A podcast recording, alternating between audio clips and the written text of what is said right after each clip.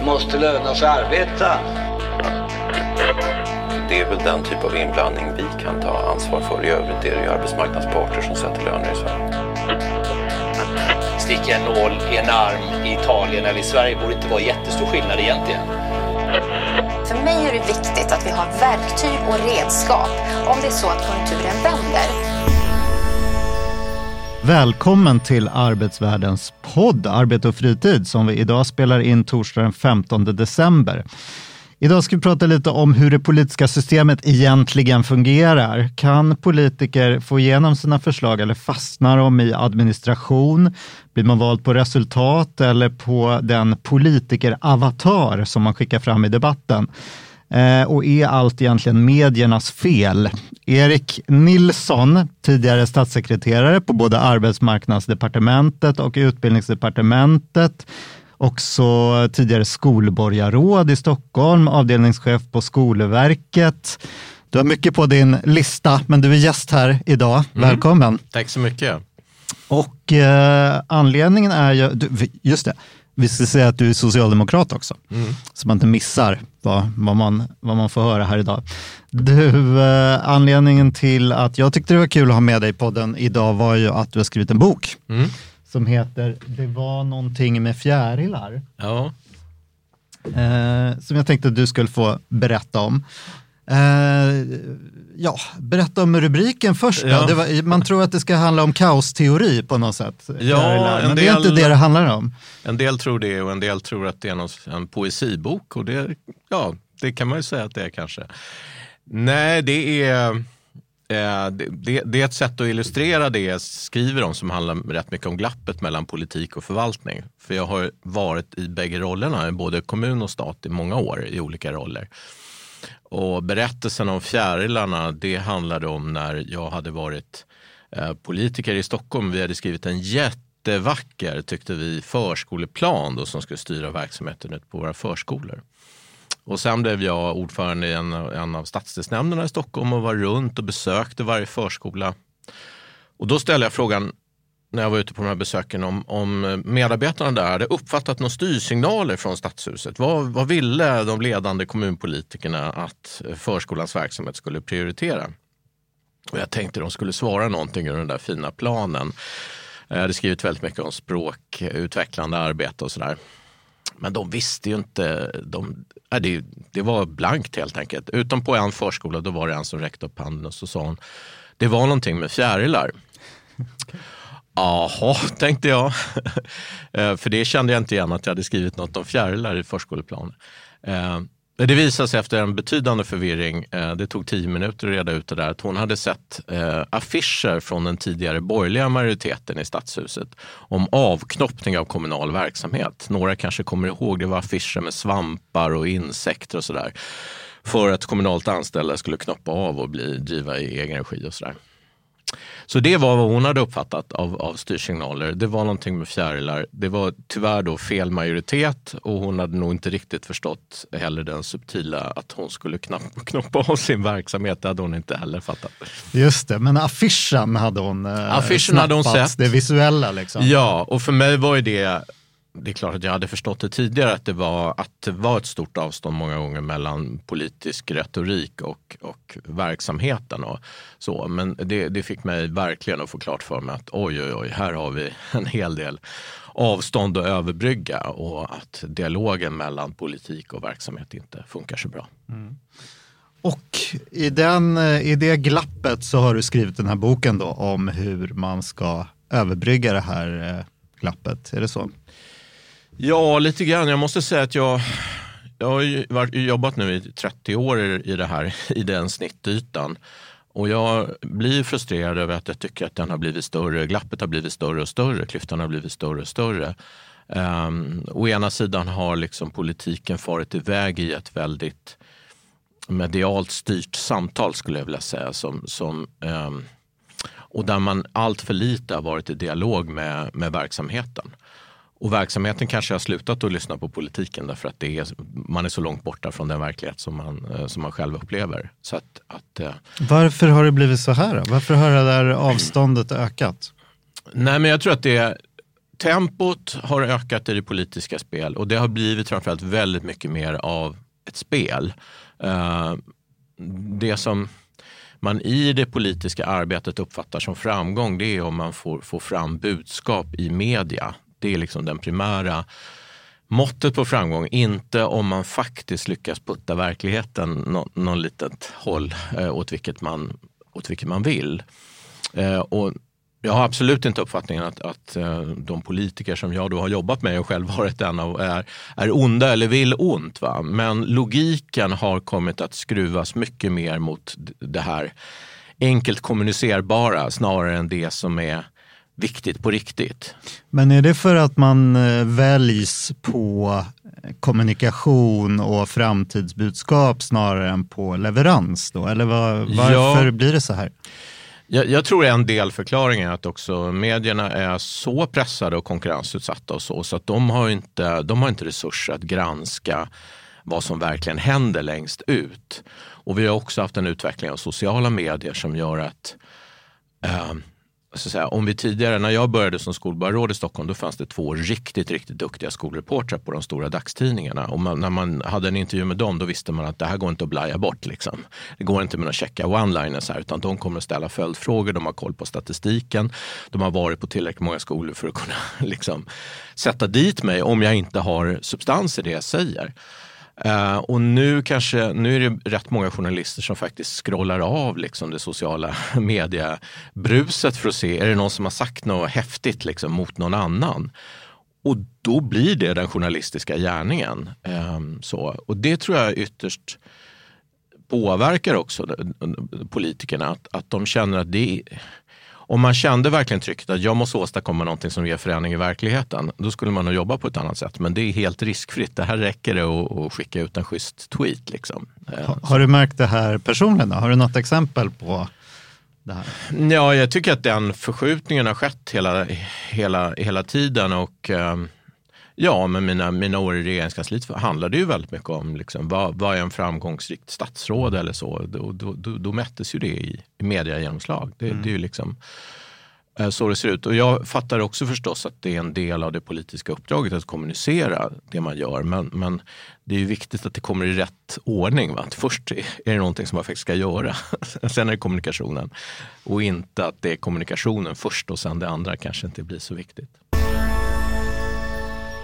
Du pratar ganska mycket om det här med eh, hur man styr idag. Då, att man gör ganska, ofta ganska breda planer och styrdokument och sen så Ja, du är lite kritisk mot att man fokuserar inte på några frågor mm. och man följer inte upp dem sen mm. i verksamheten. Mm. Vill du ge lite exempel på det? Ja, uh, man försöker styra för mycket. Eller ja, så här. Jag, jag, jag har inte läst särskilt mycket statsvetenskap, men jag läste lite grann när jag var, var yngre och då fick man läsa Nils Brunsson och han beskrev väldigt tydligt skillnaden mellan en organisation som är handlingsinriktad, som är gjord för att göra saker och ting och en, en den demokratiska organisationen där man talar med väljarna. Eh, och det där är ju problematiskt därför att när man talar med väljarna, vi väljare vi tycker väldigt många olika saker. Så som politiker så måste man försöka fånga upp väldigt många olika tankar hos väljarna och liksom bekräfta väljarna och säga hallå jag hör dig, jag förstår dig och därför är man väldigt aktiv och skickar ut väldigt, väldigt mycket signaler. Så här. Det här är det viktigaste och nästa dag så är det någonting annat som är det viktigaste och ytterligare en dag så är det något annat som är det viktigaste. Och är det någonting jag har lärt mig som tjänsteman också så är det att ju fler styrsignaler politiken skickar ut, desto mindre kraft blir det i, i varje ny. Så att säga. Jag tror jag skriver det, att varje ny styrsignal devalverar värdet på den redan givna. Och när man pratar med väljarna kanske det är bra att säga väldigt många olika saker och ibland säger man dessutom saker som faktiskt är självmotsägande. Ehm, Eh, men det är värdelöst om man ska styra en organisation. Du har något exempel med att man ska bygga fler bostäder och behålla alla grönområden ja, ungefär? precis. Mm. Det kan ju vara en uppfattning som väljare har. Sen finns det en självmotsättning mellan det. Uh, men man, hindren för politiker att säga saker och ting som uppenbart inte går ihop uh, har blivit mindre och mindre. Och det har väl att göra också med den här, med den här granskningen. Då. Så att det jag har lärt mig om man verkligen ska åstadkomma förändringar, jag har jobbat i skolvärlden i många år, då är det ju tusentals medarbetare ytterst som, jag menar vi har 200 000, mer än 200 000 anställda i våra skolor eh, i Sverige. Om man ska få dem att göra någonting annorlunda, för ytterst är det ju de som ska med sin praktik, hur de möter elever eller gör saker och ting där ute som måste bli annorlunda. Då går det inte att hålla på och skicka ut en väldigt, väldigt massa styrsignaler. Det, man måste välja några få saker som går att göra eller som man vill verkligen prioritera. Och då måste man hålla i dem. När jag var skolchef i Botkyrka kommun då brukade vi säga att varje skola kunde ha högst tre utvecklingsområden som de då försökte förändra. Vad det nu kunde handla om matematikundervisning eller trygghet och trivsel eller vad det var för områden man hade identifierat. Eh, därför att mer än så går absolut inte att åstadkomma i en organisation. Man måste hålla fokus på det. Och det ligger ju inte riktigt för politiken att då göra den hårda prioriteringen och inte heller att orka hålla fast vid de områden som man har prioriterat från början. Om det dyker upp någonting i media, då, någon skandal av något slag, att våga säga att ja, vi vet att det finns brister, men det som är det viktigaste, det är att jobba med det här. Vi kommer inte göra någonting åt den här grejen som du lyfter nu. Hur följer man upp det där? Du är ju inne på att man ska liksom stämma av och tjata och kontrollera och vara ute i verksamheterna.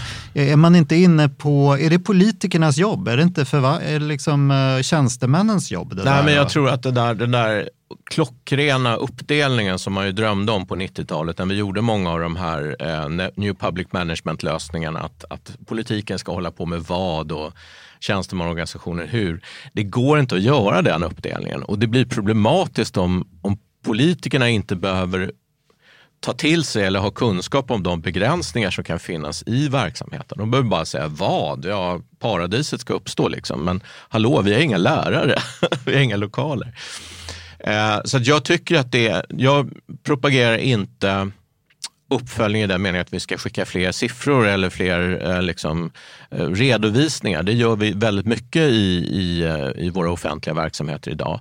Men däremot så eh, propagerar jag för en dialog. Att man eh, måste ändå vara överens om vad är viktiga kvaliteter i den här verksamheten, om det är skola eller äldreomsorg och sen är det det man behöver prata om. Och jag tror att vi behöver politiker som är, eller jag vet att vi behöver politiker som faktiskt förstår mer av de verksamheter som de är satta att sköta. Jag tror inte alls på det där att man kan vara allmänpolitiker och liksom, liksom styra allt möjligt. Man ligger, måste... det där, ligger det där i politikernas eh, blod då, att vara sådana tjänstemannatyper? Eller är det två olika typer av människor, tjänstemän och politiker?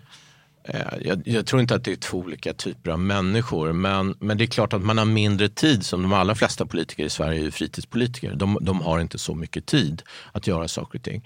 Men då får man organisera och regissera det på ett bra sätt så att de får den här inblicken.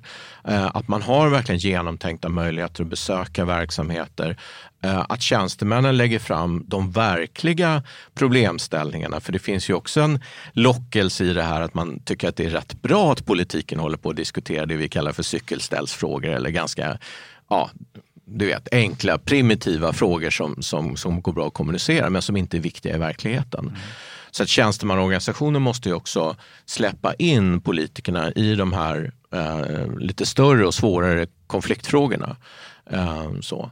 Ehm, men jag, jag, tror att det går. Jag upplevde mot slutet av, av min tid i Botkyrka till exempel, där, där var det verkligen så att vår, vår nämnd och våra politiker de, de ställde frågor kring det som var viktigt på riktigt. Eh, tyckte jag. Och det berodde på att de hade fått inblick i de frågorna. Vad var det då? Ja, det handlade väldigt mycket om kompetensförsörjning för vår del. Att vi såg att vi hade i Botkyrka, framförallt i de fattiga områdena i norra Botkyrka, så hade vi mycket låg utbildningsnivå eh, bland medarbetarna i förskolan. Vi hade i många ämnen saknade vi utbildade lärare. Till exempel matematik hade vi jätteproblem i hela norra Botkyrka. Och, och det var naturligtvis inte det bästa att ungar som kanske hade rätt svåra förutsättningar från början, inte mycket utbildningskapital med sig hemifrån, så fick de inte heller utbildade lärare. Och när vi, när vi liksom fick syn på det, då blev ju politiken väldigt intresserad. Hur kan vi jobba tillsammans med högskolorna? Hur kan vi vara en bra arbetsgivare så att vi säkrar upp kompetensförsörjningen och så. Du nämnde ju New, New Public Management eh, och du skriver också lite om det i boken. Vad är din eh, take på det där? Nej, men jag, jag tror också jag faktiskt explicit ber om ursäkt i boken för att jag tillhörde dem eh, en hel del unga politiker kanske på 90-talet som tyckte att jo, men vi, vi kan nog låna en del, eh, en, en del styrningsfilosofi från näringslivet. Och får jag börja med att säga att det var inte, allt var verkligen inte bra på 70 och 80-talet heller. Och, och, det jag upplevde som ung, ung politiker när jag började på 90-talet då, eh, det var ju att man eh, eh, man, ja, man, man, kunde inte påverka verksamheterna helt enkelt och eh, det fanns väldigt lite av verksamhetsutveckling. Att varje lärare gick dit och gjorde den undervisningen den gjorde. Gick det så gick det och gick det inte så var det liksom inget mer med det. Och att det blev väldigt mycket fokus på att skicka in mer pengar. Det blev ju i varje fall det socialdemokratiska svaret på allting. Det var att skicka in mer pengar. Samtidigt som jag kunde se att två verksamheter med lika mycket pengar och lika tuffa utmaningar kunde vara väldigt stor skillnad i kvalitet. Så på något sätt så måste man få fokus på kvalitetsfrågorna.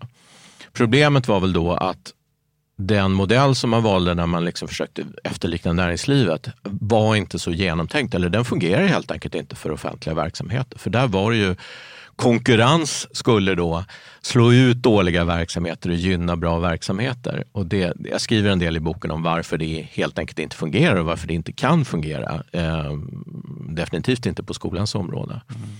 Och det, det jag upplever att vi har sett då, det är, det är just det här att tanken på att politiken ska kunna fjärma sig från, man ska inte grotta in sig för mycket i de här begränsningarna i, i eh, lokaler och personal. Det ska vara tjänstemannaorganisationens problem. Men då blir det ju också att politiken kan ösa ur sig vilka drömmar och ambitioner som helst om hur saker och ting borde vara. Och glappet mellan hur det borde vara och hur det är i verkligheten blir allt större. Och det är, därför, det är därför jag propagerar istället för en ständig dialog för att man faktiskt ska få mer realistiska föreställningar men också kunna skicka signaler till verksamheten. Åt det där hållet ska vi röra oss. Hur gör vi nu när vi är så långt därifrån? Vad är det vi behöver göra för att bli lite bättre? Mm. Du är också inne på eh, ad, att administrationen har växt. Ja Eh, i många kommuner till exempel. Har det där med New Public Management att göra eller är det någon, något annat som driver den där eh, utvecklingen? Mm, ja, jag tror att delvis har det det att göra. Jag vet eh, en statsvetare i, i, i Lund som heter Patrik Hall som gjorde någon slags sammanställning av hur, hur stor byråkratin var i olika kommuner och jämförde. Och då såg man till exempel att en del av de här moderata idealkommunerna norr om Stockholm hade väldigt höga andelar administratörer. Och, och, det har ju att göra med att det går åt väldigt mycket kraft om man har såna här pengsystem och pinsystem Och, eh, du har väldigt omfattande pappershantering för att rapportera olika saker i, i liksom New Public Management och det skapar administration. Men jag tror inte att det är det enda svaret. Jag tror också det är många eh, sossekommuner också som har gjort sig skyldiga och de kanske ofta gör sig skyldiga därför att de, de vill manifestera handlingskraft inom jämställdhetsområdet eller barnrättsområdet eller vad det nu än handlar om. Och då tillsätter man projektledare eller olika typer av speciella funktioner för det där istället för att jobba med med linjeorganisationerna. Så den typen av tjänster har också vuxit jättemycket, eh, är, är min uppfattning. Och jag tycker det är bekymmersamt. Det är, vi behöver framförallt resurserna ute i verksamheten. Eh, och vi klarar nog av styrningen mycket bättre om vi har en bra dialog, om vi är ute och besöker verksamheterna än istället för att eh, skapa väldigt många tjänster. Ja, du är ju skol, skolpolitiker i botten, mm. det märks ju. Eh, I boken också. Eh, du skriver bland annat så här, en utomstående betraktare av vårt skolsystem måste tro att det skapas av en apa på crack. vad, vad handlar det där om? Nej, det handlar väl om att jag beskrev hur eh, Först gjordes kommunaliseringen av, av Göran Persson eller den socialdemokratiska regeringen eh, runt 1990-91. Och sen bara något år senare så gjorde man en friskolereform. Eh, och då gjorde man inte om systemet utan då la man bara en typ av logik på en annan typ av logik.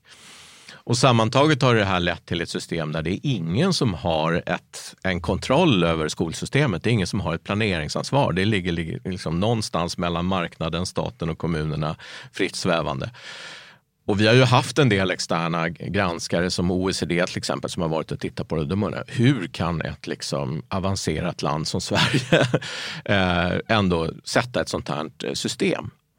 Och jag skriver tror jag i samband med att jag tror att organisation är väldigt viktigt. Att man behöver faktiskt sätta en sund och rimlig organisation. Hur många det är väl på basnivå, liksom. hur många medarbetare kan en chef ha? Hur ska den chefen rapportera vidare i systemet? Hur ska vi få det någorlunda eh, enkelt och, och, och rationellt? Uh, och där är vi inte i Sverige idag. Vi har på många verksamhetsområden, nu kan jag skolan bäst, men på många verksamhetsområden så, så har det liksom växt fram organisationer som inte är särskilt rationella. Vi har också ett ska jag säga, ett, ett stort problem i dialogen mellan stat och kommun. Eh, för många av välfärdens verksamheter ligger faktiskt på det. Det är kommuner som ansvarar för det. Och den statliga styrningen av dem har, tycker jag, inte funkat särskilt bra. Och den har verkligen gett uttryck för statsråd på nationell nivå som vill manifestera poli politik på områden som egentligen då ligger eh, på den kommunala nivån. Ja, vad händer där då? Du skrev en del om Stockholmscentreringen i politiken. Ja, alltså, en sak som händer är att man, man inrättar olika typer av statsbidrag. Så på skolområdet har vi, vi har kämpat för att försöka minska de här, men det finns över 70 olika specialdestinerade statsbidrag. Och det är ju helt larvigt utifrån ett verksamhetsperspektiv. Men man måste förstå det utifrån att varje statsråd, det uppstår en, en brist någonstans, det är kris i elevhälsan eller skolbiblioteken eller vad det nu än är. Och då inrättar man ett nytt statsbidrag för det. Så, att säga. så det, där, där pratar man ju med väljarna. Men utifrån verksamhetens perspektiv är det inte rimligt att hålla på och få, nu fick jag några pengar för det under ett år och sen så nästa år så får jag söka för någonting annat och sådär. Upplevde du att du kunde göra något åt en sån eh, reagera på kriskultur när du var statssekreterare? Ja, jag lyckades väl inte jättebra. Nej, väldigt, väldigt svårt måste jag säga. Jag, jag, tycker att vi pratade mycket om det och mitt statsråd var också med på de här tagen att vi måste göra någonting annorlunda. Men det är väldigt svårt att vända på den skutan. Vi var ju också en minoritetssituation eh, och då var det, ja, men Miljöpartiet hade sina hjärtefrågor och Liberalerna hade sina hjärtefrågor och så vidare. Så till slut satt man där med, med det som jag ju visste var ganska dålig styrning faktiskt. Um, jag tycker det är legitimt att staten har de här stora verksamhetsområdena, måste staten ha ett, ett eh, fast grepp kring. Eh, så det, det, här att kommunerna får göra precis hur de vill, nej det tror jag inte. Vi behöver en, en, en statlig styrning. Men idag är den bara liksom reaktiv, äh, kortsiktig, äh, ja, dålig helt enkelt. och vi behöver mycket mer av långsiktighet och vi behöver fokusera på det som är verkliga, verkliga utmaningar, verkliga problem. Och hur ska vi komma dit då? Ja, men jag tänker också att, att dialogen mellan stat och kommun behöver se lite annorlunda ut. Uh, jag, jag, tänker på, nu har jag varit med om två stora kriser, eller vad jag ska kalla det för som statssekreterare. Först flyktingkrisen och sen pandemin. då. Uh, och då funkar det rätt bra. Nej men märkligt nog, för då var, då var vi helt enkelt tvungna att prata med varandra. Ha den här eh, liksom, Eh, jag hade kontakter med SKR eller med, med skolchefer i kommunerna och frågade hur ska vi göra ett sånt här stöd eller hur ska vi göra en sån här reglering så att det funkar i verksamheten. Och jag tror att vi lyckades balansera oss fram på ett, på ett bra sätt. Jag vet, jag och eh, avdelningschefen på SKR då, som hade utbildning, vi, vi tittade på varandra efter ett sånt här möte. Vi hade haft massa deltagare och så, här, och så sa varför gör vi inte så här till vardags? Varför gör vi så här bara när det är kris? Vi skulle ju kunna sitta tillsammans och faktiskt prata om viktiga eh, spelregler istället för att det blir någon, någon slags eh, ja, svarta Petter-spel liksom, där, man, där man spelar ut varandra och där statsråden skyller på kommunerna och kommunerna skyller på staten och sådär. Det, det, det, funkar inget, det funkar inget bra. Okej, så den reaktiva krispolitiken kunde vara, kan vara positiv också? Ja, när det var kris på riktigt, riktigt, då, mm. då kände jag också, då, då, då var det ett läge där det här vanliga så att säga, politiskt mediala logiken fick stå åt sidan för att mm. alla fattade att det här är inte att leka med utan det här är på riktigt. Um, och då, då tycker jag, det finns säkert massa kritik att rikta mot hur vi arbetade då, men jag upplevde att det var en uppriktig dialog och vi försökte lösa verkliga samhällsproblem tillsammans. Det låter som, jag vet inte, det är väl Milton Friedman eller Naomi Klein som brukar säga att eh, kris, det är då man kan förändra på riktigt. Ja, just det. Man ska inte missa en bra kris, är det väl någon som har sagt. Ja, Ja, um, ja nej men eh, det fanns ju någonting där. Fast nu upplever jag ju att, att det tog inte lång tid innan man går tillbaka i skyttegravarna efter, efter, en sån, efter en sån historia. Du har ju ett säg där i boken som handlar om ungefär att land ska med ledarskap byggas. Mm. Vad handlar det där om? Det handlar väl en slags kritik mot att man tror att man med lagstiftning kan komma åt alla så att säga, brister som finns här och var. Eh, Det är klart att det är ständigt, vi har enormt stora offentliga verksamheter till exempel, sjukvård, äldreomsorg, skola. Det är miljoner människor som arbetar i de där. Det sker felaktigheter emellanåt, det sker brister. Och då i det här trycket på politiker att göra någonting, att du måste, måste visa handlingskraft, då vill man gärna ha en ny lagstiftning. Och en, om det finns en lagstiftning så vill man gärna ha en mer detaljerad lagstiftning. Och det funkar inte därför att det går inte att reglera alla situationer som kan uppstå där ute. Utan det blir ändå lite slumpmässigt var är man reglerar och inte. Eh, och till slut så leder det ju till att människor i verksamheten, de vågar inte själva använda sitt sunda förnuft för de väntar, vad, vad står det i regelboken egentligen? Finns det här reglerat eller finns det inte reglerat? Jag tror att man ska ha, det är klart att vi behöver ha lagstiftning, men vi behöver framför allt se till att, att vi har ett bra ledarskap i hela organisationen som klarar av att, att tolka saker och ting. Och det som jag skriver en del om, eh, bygga kapacitet. Eh, det viktigaste att göra är ju faktiskt att vi har välutbildade människor, att vi har en vettig organisation, en vettig bemanning och att vi följer upp saker och ting på ett vettigt sätt. Det kommer att ske misstag här och var, men det sker mindre misstag om vi försöker bygga bra strukturer, bra chefer, eh, välutbildad personal, rimlig bemanning. Liksom.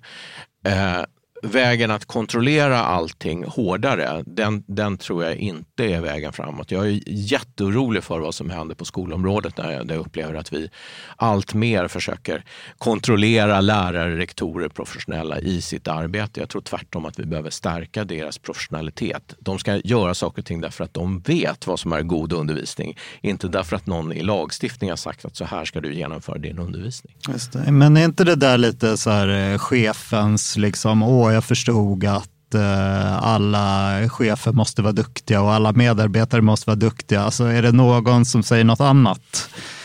Egentligen. Är det inte kontroversiellt att säga att alla ska vara kompetenta och få vidareutbildning och att, att mycket hänger på personer i en organisation och sådär? Mm. Men, eh, men då behöver vi fokusera på det. Då. Hur, ser, hur ser strukturen Hur ser vår... Eh, nu har vi tack och lov en rektorsutbildning i Sverige och den, den kan nog bli bättre. Liksom. Men, men det är klart att vi måste bygga den typen av infrastruktur. Vi håller på nu med en, en lösning för lärares fortbildning, att de ska kunna under hela sitt yrkesliv få kompetensutveckling. Vi vet rätt mycket om kollegialt lärande, att det är egentligen det enda som leder till att undervisning blir bättre. Då måste vi bygga strukturer för det eh, och kanske ha lite is i magen när media kommer där och säger, borde vi inte reglera det där så att ingen eh, sjuksköterska någonsin gör det där felet eller ingen lärare någonsin gör det där felet. Så att, eh, det bästa vi kan göra det är att se till att vi har liksom, välutbildade, duktiga personer. Du har något eh, ganska roligt exempel på det där, vad som egentligen eh, kunde förändra utbildningen.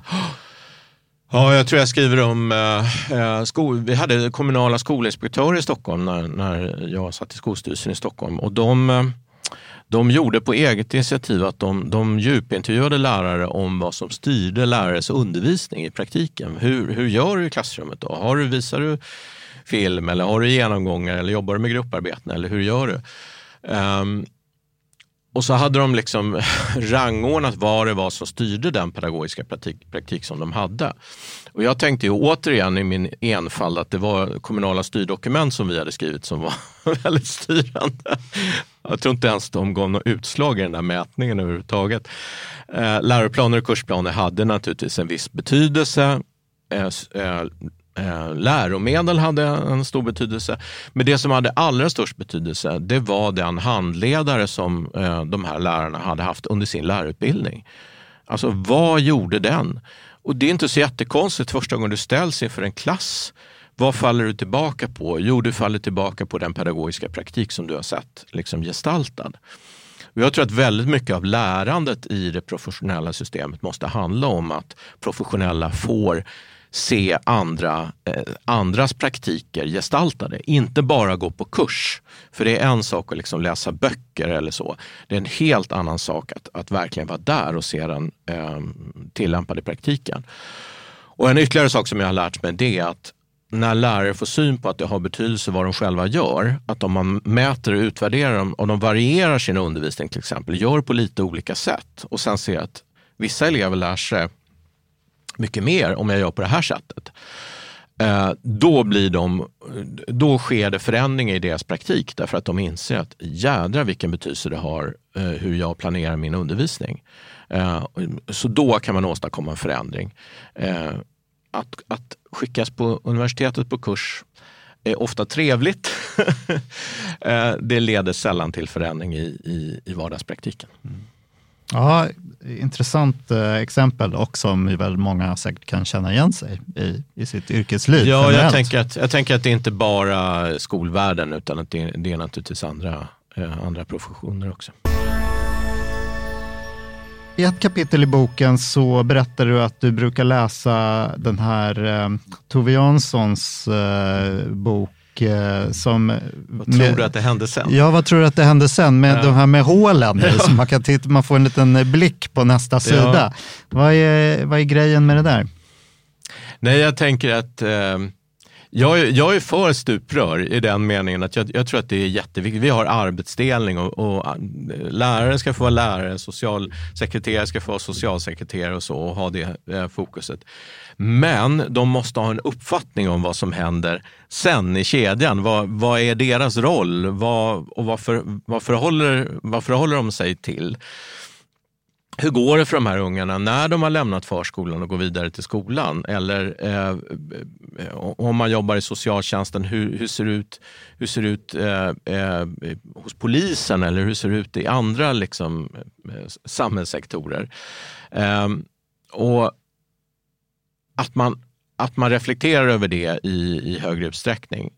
Jag vet när vi jobbade med flyktingkrisen Regeringskansliet är ju extremt eh, uppdelat och, och så att säga stuprörsorganiserat på, på många sätt på gott.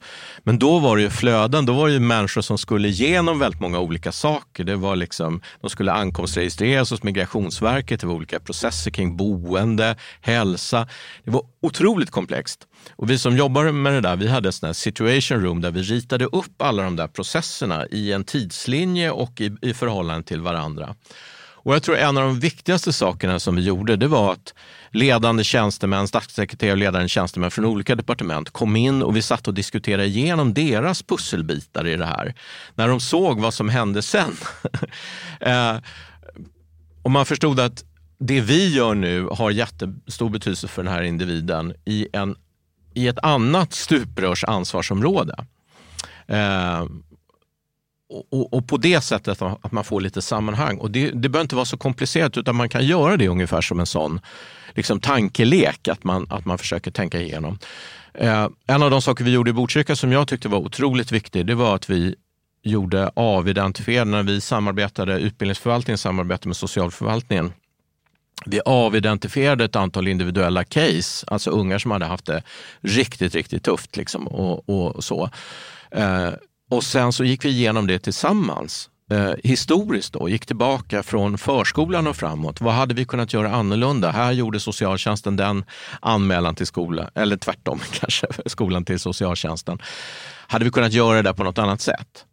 Eh, och det där blev väldigt omvälvande för oss som var inne i de där processerna. Att vi, vi fick syn på saker och ting, brister som vi hade, eh, eh, som hade betydelse i nästa led. Eh, så. så det är ungefär det. Plus att Tove Jansson är väldigt bra i största allmänhet så jag tycker alltid man kan promota henne.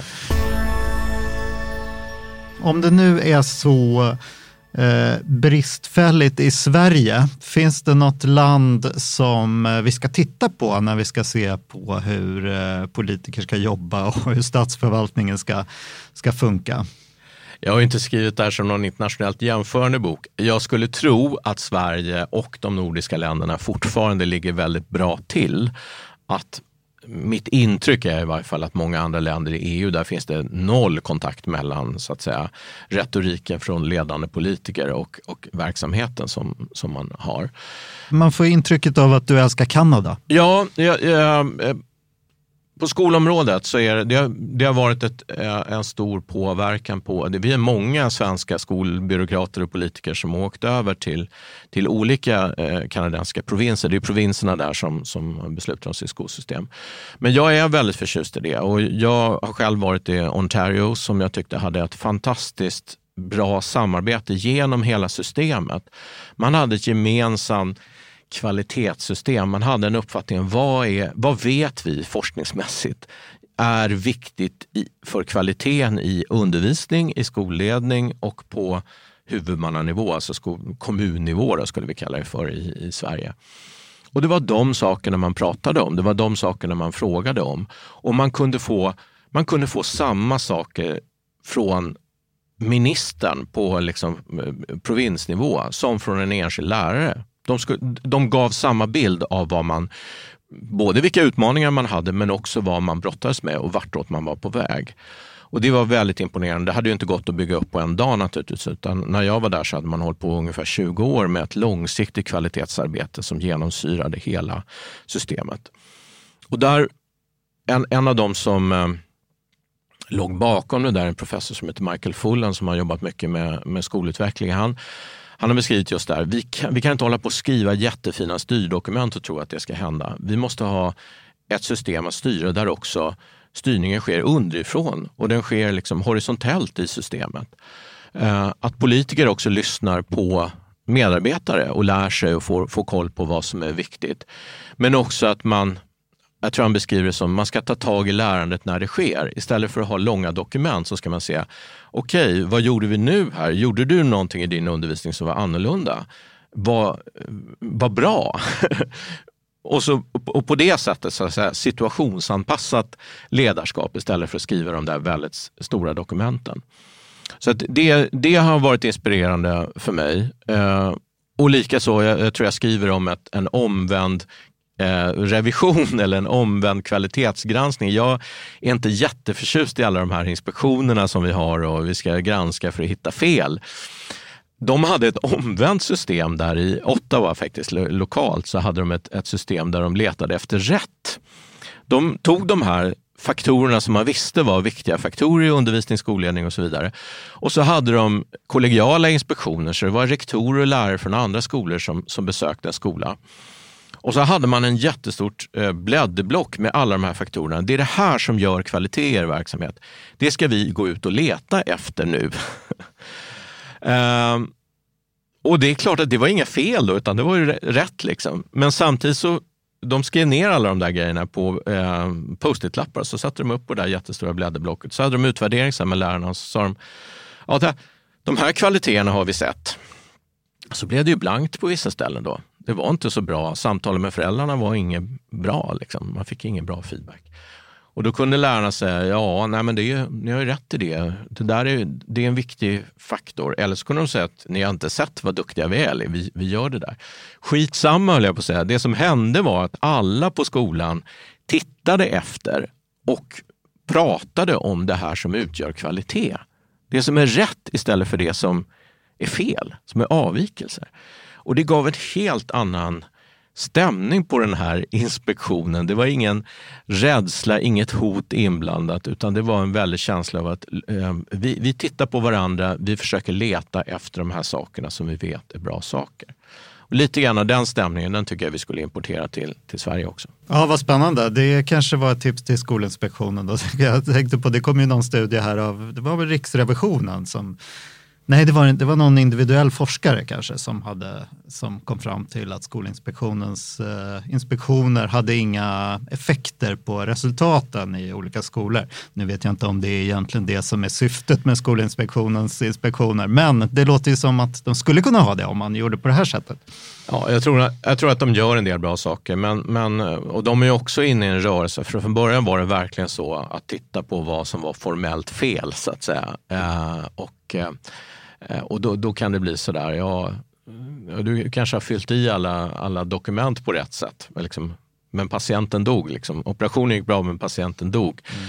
Um, så jag tror att vi måste närma oss det där på ett annat sätt och bygga strukturer för, uh, för positivt lärande snarare än för uh, fel sökeri.